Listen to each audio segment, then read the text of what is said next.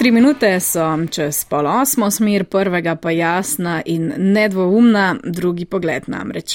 40-letni Jose Miguel Estigaribia Viasanti se je v Slovenijo preselil pred 12 leti. Predtem je živel na Hrvaškem, tako da zdaj v Evropi prebiva že skupaj 20 let. Kaj ga je iz južnoameriške celine pripeljalo k nam? V prvi vrsti je odgovor študij. Izobrazba mu je odnegdaj pomenila veliko, že od majhnega pa je sanjal tudi o študiju v Evropi. No sem so ga vlekle tudi njegove hrvaške korenine. Kako se je potem zavrtelo življenje, da je pristal v Sloveniji, kjer si je ustvaril družino in ostal, pa je razkril Dari Pograjc. Drugi pogled.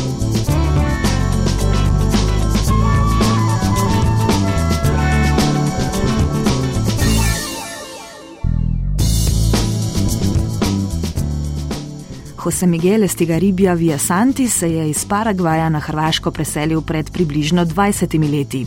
Njegova vez z našo južno sosedo pa seže veliko dlje v preteklost. Moja babica drugače ima ati iz, iz Almacije, iz, Brača. Bi rekel točno, preden da se je začela španska gripa v, v, v Evropi, se je on preselil v Paragvaj, ne? to je bilo v času Avstro-Ugarske, to je bilo po mamini strani in po ati stran je tudi ma pravabica, pravzaprav iz Splita. In vas je zanimalo, odkot izvirate? Ja, vedno mi je to zanimalo. Prava je ena država, ki je prav mešana, dosti sa evropejcimi, ne. Večinoma imigranti, ko so prihajali v Paragvaj, so bili italijani, pa tudi španci, francozi, pa zelo veliko so tudi Nemci in eh, ljudi tudi iz skandinavske države. Tako da smo kar zmešani med indijanci, domorodci in evropejci. Potem bo držalo, ker sem prebrala na, mislim, da celo dveh slovenskih popotniških uh, blogih, da je dobro, če turist, uh, ki obišče Paragvaj, govori nemško. Ja, zelo je dobro. Pravzaprav je zdaj med pandemijo bila največja migracija Nemci, pa ploš Evropejci v, v Paragvaj. Ne. Govorimo, da v zadnjih desetih letih so se preselili Evropejci v Paragvaj približno kot 35 tisoč. Zelo zanimivo. Na začetku, ko se je preselil na Hrvaško, je sicer govoril špansko, ter zelo malo hrvaško in angliško. Angliščine se je večinoma naučil tu, v Evropi. Paragvaj govorimo dva jezika, to je guaranščina in spanščina. Ne? To sta dva uradna jezika. Ne? In pravzaprav mi je bilo lažje bolj eh, se učiti hrvaščino, zdaj tega, kot tretji jezik je večinoma lažje se odvladati. Pa potem, ko se je bilo treba naučiti še slovenščino, je hrvaščina pomagala ali je bilo to, da se znate hrvaščino, pravzaprav je bila to uvira? Ja in ne. E, pravzaprav jaz sem spoznal takrat moja punca. Ne?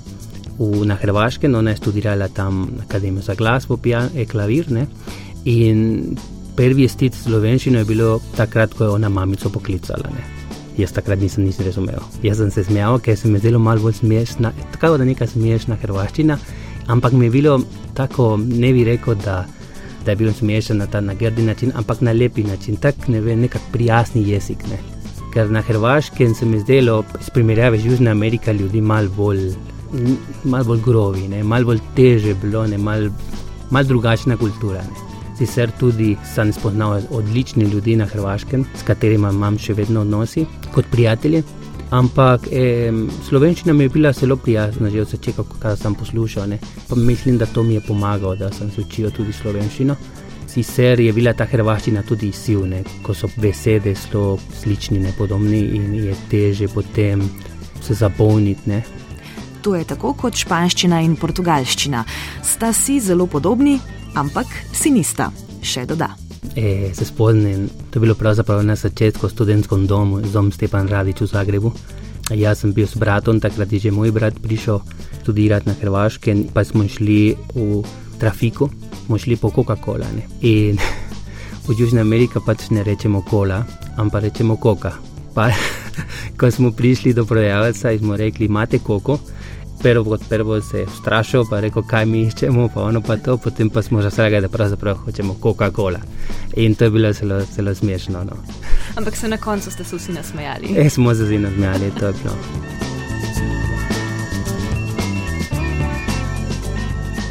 Je Paragvajec že posvojil kakšno našo navado? Je pohodništvo. In to kljub temu, da se pred prihodom v Slovenijo ni pa uspel više kot na 450 metrov nadmorske višine. Prvo srečanje s slovenskimi gorami je zato bilo precej brutalno. Imam nekih kolegov, s katerimi imam rekreacijo, so me povabili na hrib in so mi rekli, da gremo na en mali hrib, potem pa sem prišel do strice. E, ne vem, kako sem preživel to, da sem prišel do vrha, ampak takrat sem e, začel hoditi po hribe, ne drugače. To za Paragvajce ni nekaj običajnega. Včasih, ko rečem, da sem iz Paragvaja, ljudi mislijo, da imam hribe tako Peru, v glavnem Paragvaj je ravnina. Zelo zelena, tako podobno kot Slovenija. Ne. Slovenija je naj, najzelena država v Evropi, ne. tudi Paragvaj ne v Južni Ameriki. Je pa Paragvaj med drugim znan tudi po ogromni hidroelektrarni, ki ima na nek način podobno zgodbo kot naša jedrska elektrarna Krško. Dve državi si delita energijo. Tako je. Tako. Paragvaj ima, eh, ta je bil prvi, ne, ta največja elektrarna na svetu takrat in največji proizvajalec električne energije v, na svetu. E, zdaj pa meni, da je druga, ne, e, zdaj je prevzelo mesto, prvo mesto, ki je ena hidroelektrarna na, na Kitajskem. To je bil zelo, zelo veliki projekt, ki so naredili Paragvaj in Brasil. In tudi moram priznati, da moj ded je tam delal, tudi v tisto elektrarne, ki so pravzaprav tudi veliki ljudi pustili svoje življenje za izgradnje te, te elektrarne, ne, ki je zelo velik. Jaz sem bil enkrat tam in je bilo nenormalno. Kaj pa recimo uh, bi moral še turist, ki obišče Paragvaj, videti? Paragvaj je pravzaprav kot turistična destinacija zelo, jaz bi rekel, eksotična v Južni Ameriki. Premalo se ve za Paragvaj in to je prednost, zaradi tega, ker naša, naša država se zdaj le v zadnjih desetih letih odprla za turizem in največje bogatstvo v naši državi so naši ljudje. Jaz sem bolj za takih malenkosti, v turizmu uživam bolj s tem, da spoznavam ljudi in kulturo. Kaj pa hrano? Hrana je zelo dobra. Pa mate. Mate, ja, e, nujno. nujno. Vsak dan mate, e, sicer v Paragvaju imamo poprečna temperatura, je tam 25 stopinj, ampak ponavadi mi rečemo, da je 9 mesecev vroče in 3 mesece zelo vroče. Tako da je pri nas vedno vroče in pijemo veliko ledeni mate čaj, to mi imenujemo telere. To je kot pijača glavna, potem se je veliko selenjava in sadje, naprimer zdaj le poletje se, začela, se bo začela obdobje mango. Ne. Ulice imamo pravzaprav rumene od mango, da ne tako. Tak, ni tako drago kot v trgovinah. Ne. Pri vas je mango tako kot so pri nas jabolka. Približno tako, ja. Pa slovenska hrana je imel kakšne težave pri navajanju na njo? Edino to, da je tukaj v Sloveniji jem veliko več vinsko meso, pa no, mogoče hrana je malenko bolj, bolj masna, ampak mi je všeč. Ne. V Paragvaju eh, tudi jemo, pravzaprav tudi eh, zvinsko meso, pa goveje, ne? ampak večinoma bolj goveje, zaradi teh visokih temperatur je bolj primerno. Ne?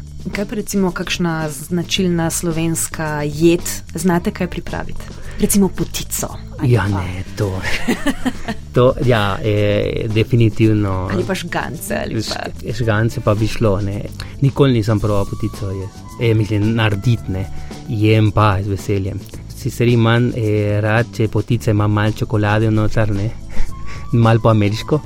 Tudi golaš, na začetku mi je bilo malo bolj, eh, vedno ko sem si pripravil golaš, mi je moja pripravila golaš, a tašča, sem si mogel dati še malo testenino noter, ko nisem bil navajen, ampak potem sem se navadil, pa mi je bilo všeč.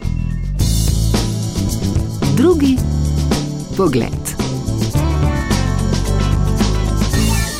Nismo vam še povedali, kaj Jose Miguel počne, oziroma kakšen je poklic, ki ga upravlja. E, sem ekonomist po poklicu, tudi sam študiral kroatistiko e, in računovodstvo, sicer sem specializiran na mednarodno poslovanje in se ukvarjam z digitalnim marketingom, pa za povezovanje evropske podjetje pa z Južne Amerike. Sem kot ena vrsta, jaz bi rekel, neki most. In zato ga vprašam, kaj lahko Paragvaj ponudi Sloveniji in kaj Slovenija Paragvaju. In Jose Miguel Estigaribia Via Santi odgovori takole. Jaz mislim, da so Slovenci malo egoisti, ne, ker imate vsega in, in ne izkoristite. To je znanje, je tista vaša hrana, ta pravzaprav sem videl, kako ste napredni v tehnologiji. Ne. In šole so super, izobraževanje v Sloveniji. To so stvari, ki treba tudi deliti s ostalimi. Pravzaprav proizvodnja v, Sloveniji bi lahko bila. Je dosti bolj ekološki in bolj, bi rekel, trajnostna v Sloveniji, in to se treba tudi kopirati pri nas, ne? te dobre stvari, ki ima Slovenija. Paragvaj lahko da veliko tudi, ne glede hrana, imamo ogromne te sadje, ko se niso še ljudi spoplovali v Evropi. Ne? Mango, imamo mango, ki naprimer bi se v Sloveniji prodajalo ne samo kot mango, kot sadje, ampak še te derivate od mango, ta naprimer te kompot od mango, ki je full over. Kaj bi rekel, ne? v Paragvaju imamo trg za slovenske podjetnike, ne? da lahko rastejo. In to je trg, ki Nemci pa Francozi čuvajo. E, in mislim, da imajo ogromno priložnosti e, slovenski podjetniki, da vstopijo na taki trg, ki je ogromen trg in ki je tudi odprt na brazilski in argentinski trg. In začnejo rasti. Ne. V teh, teh časih mislim, da je edini pomoč za, za gospodarstvo, to, da se odpremo, ne da se zapremo. Čisto za konec, uh, mogoče se mi zdi to zanimiva primerjava. Uh, vi ste pravzaprav prišli iz glavnega mesta, Asuncion. Zdaj živite v Prevoldu. Za mene je glavno mesto. Asuncion ima koliko prebivalcev? Dva milijona. Ja. Zdaj le mislim, da pridemo do 30 milijona. Ja. Slom... pa ima koliko prebivalcev? Pa, Paraguay, komu? Prebolj.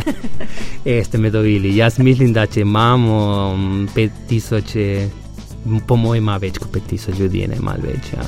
In kakšno je življenje? Bolj ja. mirno. Je zelo mirno, zelo seleno. E, način življenja v prebolju je zelo mirno, zelo počasi, ampak sam vesel, ker tudi prebolj ni daleč od glavnega mesta, od Ljubljane pa tudi do Hrvaške ni daleč, je to prednost za meni. A kljub temu, da naši drugopogledniki pogosto izpostavljajo prehodnost oziroma kratke razdalje naše države, Paragvajec doda: Jaz moram reči, da sem v, tem, v tej smeri že bolj slovenski. Je teže eh, stopiti v avto, pa prijem do Ljubljana. sem se malo razvadil. Ampak drugače, jaz v Paragvaju, ko sem delal na banki, sem bil takrat e asistent računovodja sem se vstal 4 zjutraj, da sem lahko ob 7 na šihtu v službi. E, sem imel tam približno 3 do 4 ure do, do službe. To je bilo vsak dan. In to za mene je bilo zelo normalno. Mislim, da se ne bomo več pritoževali nad zastoji. Upam, da ne.